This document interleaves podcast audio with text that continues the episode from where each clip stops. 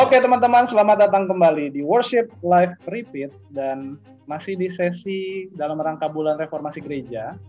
Nah ini kita akan membahas satu sola yang kalau kata pembicaranya ini sola yang pasti orang semua tahu lah. Jadi mungkin banyak orang menjadikan moto kehidupan, ya. Tapi sulit untuk dilakukan. Nah tapi sebelumnya izinkan aku memperkenalkan si narasumber kali ini, kolaborator kali ini. Silakan Pak. Ini Bapak Halo. Shalom rekan-rekan. Silakan uh, kenalkan diri. Kenalkan nama saya Hermanto. Uh, saya sekarang hamba Tuhan pengangguran. Uh, maksudnya hamba Tuhan yang lagi nggak punya ladang. Oh, iya, iya, iya, iya. saya sebelumnya melayani di GKI Mangga Besar karena kan iya. sebagai pembina anak muda begitu ya. Tapi ini bersyukur pada kesempatan refreshing dan sekolah. Uh, saya sedang ngambil studi lanjut di saat uh, dan senang lah bisa ngobrol-ngobrol hari ini begitu ya. Thank you, Mas Misael. Iya iya. Eh, jangan terlalu formal lah. Iya. Oh ya, Miss bisa ya. iya, jadi pendengar kebiasaan nih. Tua. Iya. Oke, nah teman-teman okay, seperti okay, yang okay. tadi aku udah bilang, uh, hari ini kita akan hmm. bahas sesuatu yang sebenarnya apa ya sering banget lah kita ngomongin ya soli deo gloria uh, segala kemuliaan bagi Tuhan uh, hmm, banyak betul. kita yang misalnya pelayanan ya pelayanan ibadah lah habis retret lah apalah misalnya panitianya ayo kita tos gitu kan ya juga be the glory hmm. kira-kira gitu kan yes. tapi teman-teman dalam praktek kehidupan kita sebagai orang Kristen tuh mungkin ini soalnya yang paling susah untuk dilakukan ya baik kita jadi hamba Tuhan, kita jadi pemimpin gereja, jadi aktivis gitu ya. Nah, uh, Koko Hermanto boleh nih men-sharingkan kayaknya hidupnya penuh dengan glory eh salah. Maksudnya penuh penuh dengan pergumulan. Penuh dengan memuliakan diri begitu. Ya, nah itu kan maksud saya tadi kan pembicaraan kami. oh, oh, Pak Hermanto boleh coba uh, men-sharingkan mungkin uh, pengalaman-pengalaman pelayanannya, khususnya mungkin berkaitan dengan bagaimana bergumul tentang dengan ya, masalah kemuliaan ini gitu ya. Ya, ya, ya. Oke, okay, thank you, thank you. Uh, waktu dihubungi untuk ngobrol soal ini begitu ya, uh, langsung kepikir beberapa hal sih ya gitu ya, dan hmm. uh, salah satu ayat yang langsung kepikir oleh saya itu uh, Roma 11 ayat 36 yes. gitu ya, segala sebab segala sesuatu adalah dari Dia, oleh Dia, dan kepada dia bagi dialah kemuliaan sampai selama-lamanya begitu ya. Nah, seperti yang tadi dibilang sama Misael di depan, setelah ini uh, ini ayat yang pasti uh, semua orang tahu begitu ya, oh. sering dikutip jadi ayat hafalan begitu ya. Uh, lalu kita sering nyanyiin ya Solideo Gloria lah, pokoknya Tuhan aja lah, semua kemuliaan buat Tuhan begitu ya. Tapi ketika merenungkan ini saya menemukan bahwa gila loh ini ini sola yang susah bener begitu ya. Ini sola yang uh, kalau mau benar-benar dilakukan, saya menemukan bahwa sebenarnya di hidup saya saya lebih banyak gagalnya daripada hmm. berhasilnya begitu ya. Uh, bahkan mungkin uh, ya sering sering sering banget lah gagal dan cuma sesekali berhasil begitu ya. Hmm. Nah, uh, saya akan bagi dua gitu ya. Saya ada dua hal yang kepikir oleh saya. Yang pertama karena saya hamba Tuhan, uh, sekilas saya berpikir begini ya Uh, kapan saya bisa berkata solideo gloria? Mungkin ketika saya mengenal Tuhan lebih dalam, ketika saya lihat Dia lebih dekat, hmm. ketika saya uh, lebih lebih clear melihat Dia begitu ya. Saya pikir saya akan lebih gampang untuk memuliakan Tuhan begitu ya. Hmm. Hmm. Uh, saya ingat uh, di Narnia kan ada satu, ada satu uh, kisah gitu ya si Lucy sama ini pernah uh, pernah dibikin itunya sih ya uh, ada yang munculin fotonya di Instagram begitu ya oh. jadi Lucy Aslan begitu ya setelah satu tahun nggak ketemu lalu waktu ketemu Lucy bilang sama Aslan begini Aslan lu kayaknya gedean ya begitu ya. Lu gedean lalu Aslan jawabnya begini oh itu karena lu lu makin uh, tua gitu. Dia ngomong sama Lucy begitu itu karena lu makin tua. Uh, lalu Lucy bilang hah? Nggak salah. Bukan karena makin gede gitu. Uh, Asla jawabnya begini, enggak, bukan gue makin gede. Kalau lu makin bertumbuh tiap tahun, lu akan lihat gue makin gede. Kira-kira, hmm. kira-kira uh, Asladnya ngomongnya begitu gitu. Ya. Jadi hmm. itu itu cara berpikir yang menarik ya, yang yeah. yang C.S. Lewis pakai ya, yeah. untuk gambarin ke kita bahwa ketika kita grow secara rohani, ya. ada sebuah pemandangan kepada Allah yang harusnya Allah itu makin besar, makin besar dan harusnya makin gampang buat kita untuk memuliakan ya. Dia. Makin gampang bagi kita untuk terkagum, makin gampang bagi kita untuk berkata begini, iya, ini nggak pantas, gue nggak pantas ambil bagiannya Tuhan. Ini harusnya buat Tuhan. Harusnya gue lebih gampang menundukkan diri dan berkata, iya, lu Tuhan. Gue hmm. ini apa sih? Gue bukan apa-apa, gitu ya dan uh, saya awalnya juga berpikir begitu begitu ya dengan belajar teologi jadi hamba Tuhan kita gali Alkitab uh, belajar Tuhan itu siapa seperti apa gitu ya. lalu ya menceritakan itu ke orang gitu ya saya pikir akan dengan lebih gampang saya akan berkata bahwa iya loh dia Tuhan ya dan gua harus mengabdi begitu ya hmm. ya pada kenyataannya di hidup gua gua menemukan begini sih mis gua nggak tahu lah misalnya seperti apa ya gua menemukan sering kali uh, karena terperangkap sebagai tugas begitu ya. Hmm. Ini kan gue menemukan justru ya ya udah ini hanya satu objek yang saya pelajari and, and nothing to do with me begitu ya. Sehingga ketundukan, kekaguman dan penyembahannya nggak terjadi. Iya iya iya. Ya. Makin lama ya oh makin flat lalu ngerasa begini oh udahlah ini objek yang saya sudah kenal gitu ya.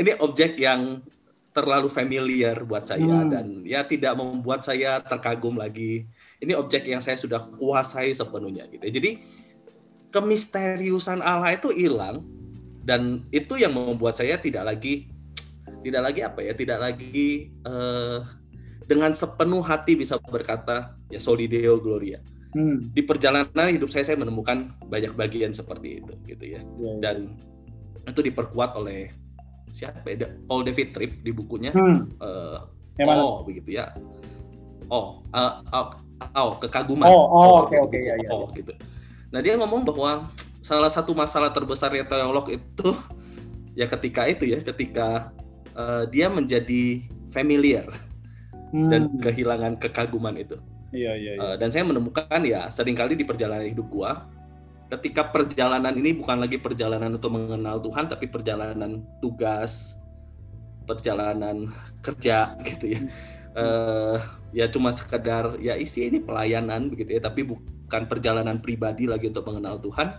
Ya, ya saya jadi kehilangan kehilangan tujuan itu loh. Oh iya ya. Saya harusnya kenal pribadi ini dan terperang terapa ya bukan terperangkap ya maksudnya apa uh, di captive begitu rupa ya. Ya, ya, ya. jadi mau nggak mau responnya adalah kagum mau hmm. nggak hmm. mau responnya adalah menyembah nah ini ini ini yang pertama sih yang gue temukan ya ya nah ini benar nah ini pas gue baru mau bilang teman-teman nih hal pertama yang langsung harusnya menegur kita atau apa ya mungkin selama ini kita nggak pernah nyadar bahwa ketika kita melakukan teologi kan ya mau kenal Tuhan hmm, hmm. ya kan teman-teman nggak harus jadi mahasiswa teologi atau jadi hamba Tuhan untuk betul, melakukan betul. teologi tapi ketika kita mengenal Tuhan semakin kita mengenal Tuhan harusnya seperti si uh, ilustrasinya si Lewis tadi Cuman kita malah jadinya meng, kalau gue pakai bahasa kerennya apa ya objektifikasi Tuhan gitu kali ya. Betul, mengkotakkan betul, Tuhan di dalam satu kotak kita yang kita pikir oh gue bisa kenal segini aja. Nah hmm, makanya hmm. tadi itu juga masalah uh, mau objek menjadikan Tuhan hanya sebagai objek, terus ya objek pembelajaran apalah bahkan objek penderita kali ya. terus masalah misteri itu juga menarik sebenarnya. Ya. Kemarin betul, baru baca Uh, apa bukunya Francis Chan Letters to the Church. Dia hmm. salah satunya dia singgung juga itu hmm. bahwa ketika lu kenal Tuhan, lu masih lihat nggak sisi misteri itu yang membuat lu tuh makin kagum justru sama Tuhan. Betul. Atau ya sudah, uh, tidak ada misteri lagi di antara kamu dan aku, gitu ya. Ya ini betul, ini satu hal pelajaran pertama yang harusnya kita tertegur teman-teman gitu ya. Oke, silakan lanjutkan. Oh, Betul. Nah, itu yang pertama begitu. Ya. Yang kedua, uh, ya ketika menemukan beginilah ya, uh, gampang untuk dengan mulut berkata, iya kan gua hamba Tuhan ya, gua hmm. pelayanan ya untuk Tuhan lah, untuk kemuliaan siapa lagi begitu ya maksudnya. Uh, kalau di Roma ini kan ngomong uh, karena segala sesuatu itu dari dia, oleh dia, kepada dia, ya karena itu ya bagi dia lah gitu ya ya kan ya secara teori ya sebagai hamba Tuhan ya saya tahu lah. Semuanya ya dari Tuhan. Gue bisa melayani juga karena Tuhan gitu ya. Gue melayani untuk siapa ya? Untuk Tuhan gitu ya. Hmm. jadi ya segala kemuliaan bagi Tuhan. Ngomongnya sih gampang gitu ya. Tapi seiring perjalanan saya menemukan uh, sering kali tipis banget tuh antara bagi kemuliaan Tuhan dan bagi kemuliaan diri. Antara ini bekerja untuk kerajaan Allah hmm. atau bekerja membangun kerajaan sendiri ya. itu itu itu tipis banget gitu loh Miss. Coba boleh diulang uh, sekali eh. lagi. Ini highlight teman-teman. ada antara perbedaan tipis beban antara. yang diberikan oleh Tuhan gitu ya dan beban yang dibuat-buat oleh sendiri uh. antara melayani untuk kemuliaan nama Tuhan yeah. atau membangun nama sendiri yeah. membang memperkenalkan Tuhan sama memperkenalkan diri itu tipis banget begitu yeah. ya uh, dan bukan hanya tipis sebenarnya uh, saya ngerasa ini part yang sering kali uh, kita nggak mau akui sih atau gua lah gua nggak mau akui begitu ya bahwa sering kali kita mengatas gua mengatasnamakan Tuhan sebenarnya tapi sebenarnya untuk diri begitu ya hmm. ketika berkata enggak kok ini gua mati-matian buat siapa ya hmm. ya mati-matian buat siapanya ya sering kali ngomongnya buat Tuhan tapi sebenarnya ya buat diri begitu ya hmm. uh, sometimes gue lihat begini sih uh, terutama waktu pelayanan lah ya. Ketika satu pelayanan berhasil begitu ya. Uh, dan tidak dapat tidak dapat pengakuan misalnya gitu ya. Hmm. tidak dapat pengakuan ada yang kritik dan sebagainya. Hmm. sometimes tuh gue ngerasa begini kenapa ya gue gue sometimes tuh uh, apa banget uh, reaktif banget misalnya. Ketika ada yang sesuatu yang menurut gue berhasil misalnya sesuatu yang menurut gue ini baik kok gue mati-matian loh kerjain ini. Lalu uh, ternyata dapat dapat kritik atau dapat uh, respon yang kurang kurang seperti yang saya harapkan itu. Nah, sometimes di situ saya bisa reaktif gitu ya. Yeah ketika saya memikirkan loh kenapa saya harus reaktif begitu ya ya kenapa saya reaktif ya sebenarnya tanpa sadar uh, itu itu adalah sebuah sebuah apa ya sebuah respon yang saya berikan karena uh, saya mengakui secara diam-diam bahwa hmm. uh, yang saya pikirkan sebenarnya adalah saya penerimaan orang kepada saya pengakuan orang kepada apa yang saya lakukan hmm. bukan uh, murni ngomong soal ini buat kerajaan Allah dong gitu ya gampang lah untuk ngomong secara mulut bahwa eh enggak kok ini gua kerja buat Tuhan dan sebagainya tapi sebenarnya uh, di di pelayanan yang gue menemukan uh, gampang sekali lah gampang sekali tipis sekali batasnya antara ini kerja buat Tuhan atau kerja buat diri gitu. hmm. Hmm. dan even even inilah ya saya masih sekolah begitu ya setelah lama nggak sekolah gitu ya sekolah lagi lalu ketemu ya gue pasti lebih tua dari Misael lah ya Oi, uh, tipis bayangin dulu. Ya, aduh, lalu masuk ketemu anak-anak muda gitu. masuk di saat ketemu anak-anak muda yang brilian begitu ya. ya. Lalu ngerasa gini, gila ya mereka kenapa kenapa pinter-pinter banget gitu ya. Lalu ya. kenapa update banget. Ya. Kok gua kayaknya jauh banget begitu ya. Lalu uh, saya ngobrol sama istri begitu ya. Gila lu anak-anak tuh maju banget, gua tuh begini begitu. Lalu gua bergumul nih bikin tugas, bikin paper ah. apa segala macam. Istri saya ngomong begini, lu mau ngejar apa sih? Hey. Istri saya tuh suara Tuhan menurut gua begitu ya. Lu ngejar apa sih gitu? Habis. Uh, lu insecure-nya karena lu pengen pengen sama dengan yang lain-lain itu atau lu lu, lu sebenarnya mau ngapain? Lu sekolah mau ngapain gitu ya. Nah, itu kalimat yang yang menurut gua menyadarkan gua loh gitu. Iya ya. Ketika gua ngomong gua mau sekolah, gua ngomong uh, ya Tuhan minta gua sekolah. Tuhan uh, memberhentikan gue untuk di recharge begitu ya lalu ya udah harusnya gue konsentrasi itu dong hmm. ini for the glory of God dong kenapa hmm. ketika akhirnya pada prakteknya gue malah mengejar supaya ya gue tidak dianggap lebih rendah daripada teman-teman yang lain gitu loh kenapa perjalanan studi ini jadi perjalanan kemuliaan gua bukan hmm. perjalanan pembentukan yang Tuhan kasih buat gua memuliakan Tuhan begitu loh. Ya, ya. Jadi gua merasakan ini itu ya Miss ya Solideo Gloria itu adalah antitesis dari kedagingan kita sebenarnya. Hmm. Hmm. Antitesis dari natur keberdosaan kita yang selalu ya mau bangun diri kita sendiri, mau yeah. mencari nama buat diri kita sendiri begitu. Dan itu yang menjadikan ini sulit gitu. Antivirus hmm. dari virus Solidewe Gloria ya. Iya Solidewe Gloria betul. Pintar juga lu ya. Hah? Keluar tuh kata Solidewe Gloria. Solidewe, ya. Nah ini teman-teman poin kedua menurut aku yang uh, sangat baik juga dari Koko Hermanto adalah ketika kita tahu nih dan menurut gue juga harusnya kita semua tahu lah apalagi sama Tuhan. Semua ya. tahu lah. Gereja orang-orang sukses gitu ada batasan yang super super tipis antara Solideo Gloria sama Solidewe Gloria itu Nah tadi hal yang baik yang gue tangkap dari Ko Hermanto adalah semakin kita tahu nih batasannya tipis banget, berarti spiritual awareness kita harus makin besar. Betul. Makanya tadi sampai bisa nyadar kadang-kadang ya uh, kita yang udah bersuami beristri suara pasangan itu bukan suara Tuhan, suara yang lain. Nah ini bisa ada tahu bahwa uh, istrinya Ko Hermanto ini dipakai Tuhan untuk menggaungkan spiritual awareness itu ya itu luar biasa sih. Ya. ya. ya. Itu mestinya kita terus punya ya. Betul, betul. Ya, ya. Dan sometimes apa ya, maksudnya karena kesadaran bahwa ini ini titik bahaya banget begitu ya, hmm. membuat gua memang jadinya lebih lebih begini ya, lebih memikirkan setiap reaksi gua.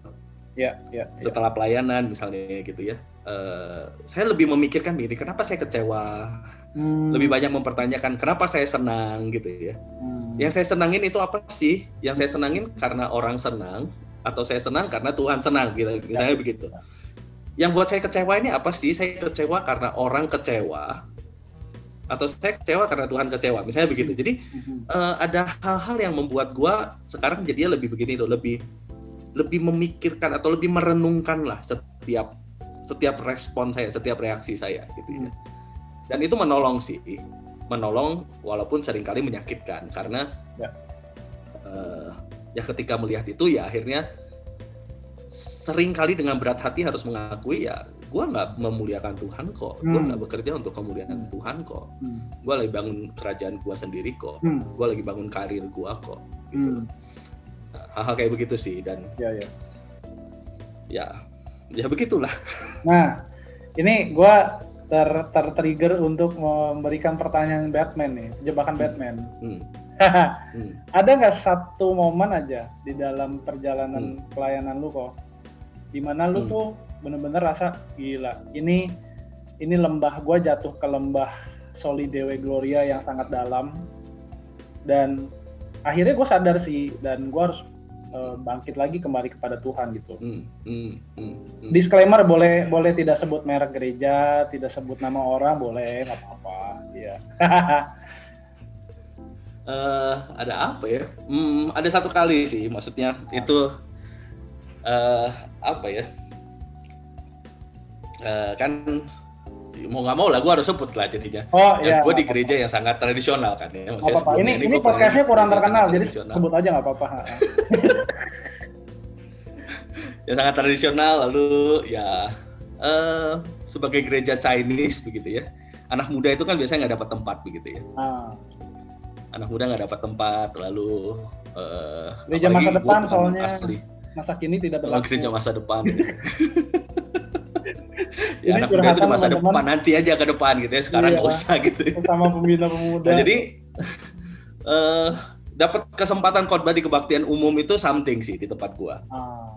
gitu ya dapat kesempatan khotbah di kebaktian umum yeah. Ya. uh, untuk seorang anak muda gitu ya uh, itu itu something banget lah hmm. dan gua menyadari somethingnya itulah gitu ya dan itu membuat gue mati-matian ketika mempersiapkan khotbah itu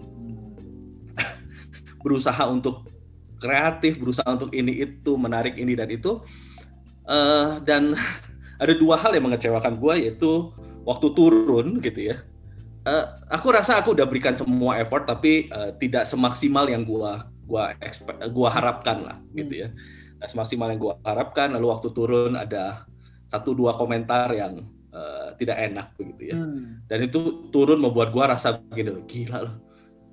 Uh, capek banget gitu loh rasanya capek banget gila gue udah mempersiapkan setengah mati turun. Ini komentarnya kayak begini uh, tidak dapat yang gue pikirkan bahwa ini kesempatan gue show myself. Aku hmm. anak muda loh dan ternyata bisa loh di gereja ini tidak semua dikasih kesempatan khotbah gue dapat khotbah umum pula uh, and and sebagainya gitu ya. Tapi ya malam itu minggu malam itu gue gua di kamar gue ngerasa begini ya, ya kenapa ya gue gue capek banget gitu ya. Dan gue trace back ke perjalanan gue gue temukan iya sih lu lu nyari apa? gitu loh. Hmm. lu nyari apa? gitu loh. Dari awal ketika lu dikasih jadwal itu lu sudah set hati lu bukan untuk sampaikan firman Tuhan kok. Lu set hati lu buat uh, buat impress orang ke diri lu sendiri begitu loh. Uh, dan ketika orang uh, mengkritisi isinya gitu ya jadinya ya lu uh, lu sensitif begitu loh. Nah itu itu titik yang gua itu banget sih. Gua gua gua inget banget itu itu tidak lama dari waktu gua masuk pelayanan di di gereja itu gitu ya, di gereja tempat gua pelayanan waktu itu. Dan itu membuat gua setiap kali dapat kesempatan khotbah di kebaktian umum berikut berikutnya itu gua gua gentar sekali. Hmm. Gentar sekali bukan karena gentar sekali karena gue tahu kecenderungan hati gue gitu. Jadi ketika mempersiapkan itu gue hati-hati banget hati-hati maksudnya. Kenapa gue mikirin ini ya? Gue mikirin ini kenapa gue pengen pakai cara ini ya? Gue pengen cara, pakai cara ini atau gue mikirin ini? Ini karena karena gue pengen orang bisa memahami firman Tuhan atau karena aku sih gitu loh sebenarnya gitu ya kayak begitulah kira-kira. Ya, ya. aku pernah ngalamin yang kayak begitu sih. Ya, ya. ini dari ceritanya Ko Hermanto juga. Sebenarnya kita harusnya bersyukur ya. Gue nggak tahu sih. Menurut gue harusnya kita bersyukur kalau pertanyaan-pertanyaan evaluatif, reflektif itu tuh masih Tuhan berikan ke diri kita ya. Ketika banyak Betul. tantangan, banyak ujian, cobaan yang membuat kita tuh lebih mau menonjolkan, memuliakan diri kita daripada ya ini sebenarnya tentang Tuhan bukan tentang gue gitu ya. Betul. Yeah. Betul. Betul. Karena banyak apa ya kok? Gue ketemu anak-anak muda itu uh, mereka merasa ragu kalau harus mempertanyakan dirinya. Padahal sebenarnya harusnya ini bagian dari pertumbuhan kita gitu ya. Yeah. betul. Betul. Ya ya, ya, ya. oke. Nah Koko Hermanto kira-kira ada yang mau disampaikan lagi? Mungkin mungkin mau sharing lagi? Jadi podcastnya nggak terkenal, jadi boleh uh, sharing apa gitu. Kecuali tiba-tiba gue ya ya, jadi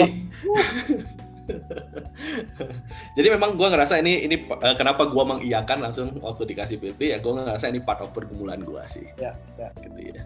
Uh, dan ya, hmm, gue nggak tahu teman-teman lah ya, tapi dari pengalaman hidup saya saya tahu bahwa uh, isu ini akan jadi isu yang uh, terus menerus lah mengikuti gue gitu ya. Jadi maksudnya pergumulan melawan kedagingan, melawan uh, keinginan memuliakan diri ini akan jadi isu gua kayaknya seterusnya. Ya ya ya, uh, ya ya ya gue bersyukur sih maksudnya uh, di tengah pergulatan selama ini itu gue ya gue menemukan Tuhan yang setia ya. Maksudnya gue tuh nggak setia lah. Gue tuh nggak setia gue tuh sering gagal. Tapi yang paling gue bersyukur ya di tengah proses jatuh bangun ini gue justru melihat betapa besarnya yang namanya anugerah betapa besarnya yang namanya kesetiaan Tuhan itu. Ya. uh, so maksudnya aku pengen ngajak teman-teman untuk it's okay kok maksudnya. Uh, kita nggak usah lah tutup tutupin diri Tuhan udah tahu kita semuanya kok. Gitu. Justru uh, ya Tuhan tuh ngundang kita untuk ayo kenali dirimu lebih dalam supaya kita bisa mengenal betapa limpahnya kebaikan Tuhan dan anugerah Tuhan itu. Ya. dan itulah sebenarnya yang menyembuhkan kita sih gitu loh. Ya. Oke. Okay. ya. Kira-kira begitulah. Ini tanpa tanpa diminta udah kasih kata-kata mutiara ya teman-teman ya Oh gitu ya. nah, kok boleh ada ini nggak apa ya satu dua pesan buat uh, teman-teman yang sama Tuhan, teman-teman yang jadi hmm, mahasiswa hmm. teologi atau teman-teman yang aktif di gereja lah. Tiga aja, gue nggak minta banyak-banyak. Hmm, hmm. Ntar disuruh bayar. Tiga itu banyak loh. Oh iya. Mau nambah satu lagi nggak? Jangan ntar. Diprotes saya. Ya ya gue ngutip inilah ya gue ngutip uh, si David Tripp lagi lah ya Paul oh. David Tripp ya. ya jadi dia sebut panggilan kita ini sebagai hamba Tuhan ini panggilan yang berbahaya gitu, gitu ya kita kita ada di dangerous calling gitu ya dangerous calling karena satu kita bisa begitu dekat tapi ya at the same time kita kehilangan kekaguman sama Tuhannya gitu ya uh, ya mari kita menyadari kedangerousannya lalu ingat ini ya ini tidak sekedar sebuah pekerjaan sih gitu hmm. ya. ini ingatan peringatan gua ke diri gua sendiri ini perjalanan sama seorang pribadi sebenarnya sama Tuhan hmm. kita uh, jangan sampai tahun bertambah tapi kekaguman sama Tuhan itu berkurang gitu. yeah. hmm, ya mari kita belajar meminta Tuhan terus menerus lah kalau kita ngerasa hati mulai datar hmm. kayaknya kok Tuhan mulai Tuhan mulai jadi objek seperti yang tadi misalnya ngomong gitu ya. Ya mari minta Tuhan menggoncang lagi kita ya hmm. dengan kekaguman akan Dia. Hmm. Itu yang pertama. Lalu yang kedua, uh, mari sadar ada ada lawan di dalam diri kita dan lawan kita itu adalah diri kita sendiri hmm. gitu ya. Uh, musuh di luar mungkin ya ya besar sih tapi ya musuh di dalam ini jauh lebih besar begitu ya. Dan musuh di dalam diri inilah yang sering sering kali ya dipakai iblis dan bekerja sama sama iblis untuk uh, membuat kita menjauh dan mendukakan Tuhan. Gitu. Saya ingat masih di Alkitab tuh uh, suara iblis itu adalah suara untuk menyembah yang lain selain Tuhan, hmm. memberikan kemuliaan kepada yang lain selain daripada Tuhan gitu ya. Ketika uh, Tuhan Yesus dicobain, Tuhan Yesus dibilang dikasih tahu begini, oke, okay, ayolah Uh, semua ini akan kuberikan kepadamu kalau kamu sujud menyembah kepada saya kata iblis kepada uh, Tuhan Yesus kan gitu ya. Tuhan Yesus bilang uh, enggak kamu harus menyembah kepada Tuhan Alamu gitu ya. Jadi selalu suara, suara iblis itu adalah suara mari sembah yang lain mari memberikan kemuliaan kepada yang lain selain kepada Tuhan. Dan ya itu adalah suara diri kita sebenarnya juga yang berdosa ini gitu dan mari sadari musuh ini uh, jangan sampai menganggap remeh musuh ini. Musuh ini sangat berkuasa dalam diri kita. Uh, karena itu kita perlu perlu melawan dia sesadar-sadarnya. Ya. ya mungkin itu ya. Jadi teman-teman mari bangun kesadaran itu. Jadi kita nggak tahu nggak nggak kaget tahu-tahu kita udah ditaklukkan. Gitu. Ya, ya. Oke, mantap. Thank you, Koko Hermanto sudah mau men-sharingkan. Sama-sama pergumulannya tentang Soli Deo Gloria ini ya. Siapa tahu teman-teman nanti ada sesi lain.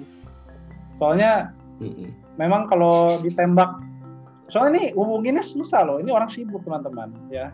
Jadi enggak lah. bisa, karena sibuk juga kan, sibuk belajar. Nah, makin sibuk belajar makin banyak ah, topik. Ya, oke. Okay. Nanti mudah-mudahan bisa ada episode-episode lain ya sama Koko Hermanto. Thank you sudah mau siap berbagi, siap. berbagi hidup berbagi panggilan bersama dengan kami semua. Ya uh, good luck buat studinya. Jangan lama-lama lah. Uh, jangan terlalu sibuk juga. Lah mau seberapa lama? Eh oh ya sudah sudah di trackin ya biar cepat selesai ya Iya sudah di trackin. Oh iya iya siap siap siap. Jangan sampai diteriakin. Iya itu bahaya kalau di track maksudnya ya, kan tadi di track ini di trackin nah itu lebih bahaya lagi oh yakin Oke, okay, thank you Pak Hermanto. Selamat berkati. Oke, okay, sama-sama. keluarganya. Dan thank you semua buat teman-teman yang sudah mendengarkan. Dan sampai jumpa di Worship Live Repeat berikutnya. Bye-bye. Bye-bye.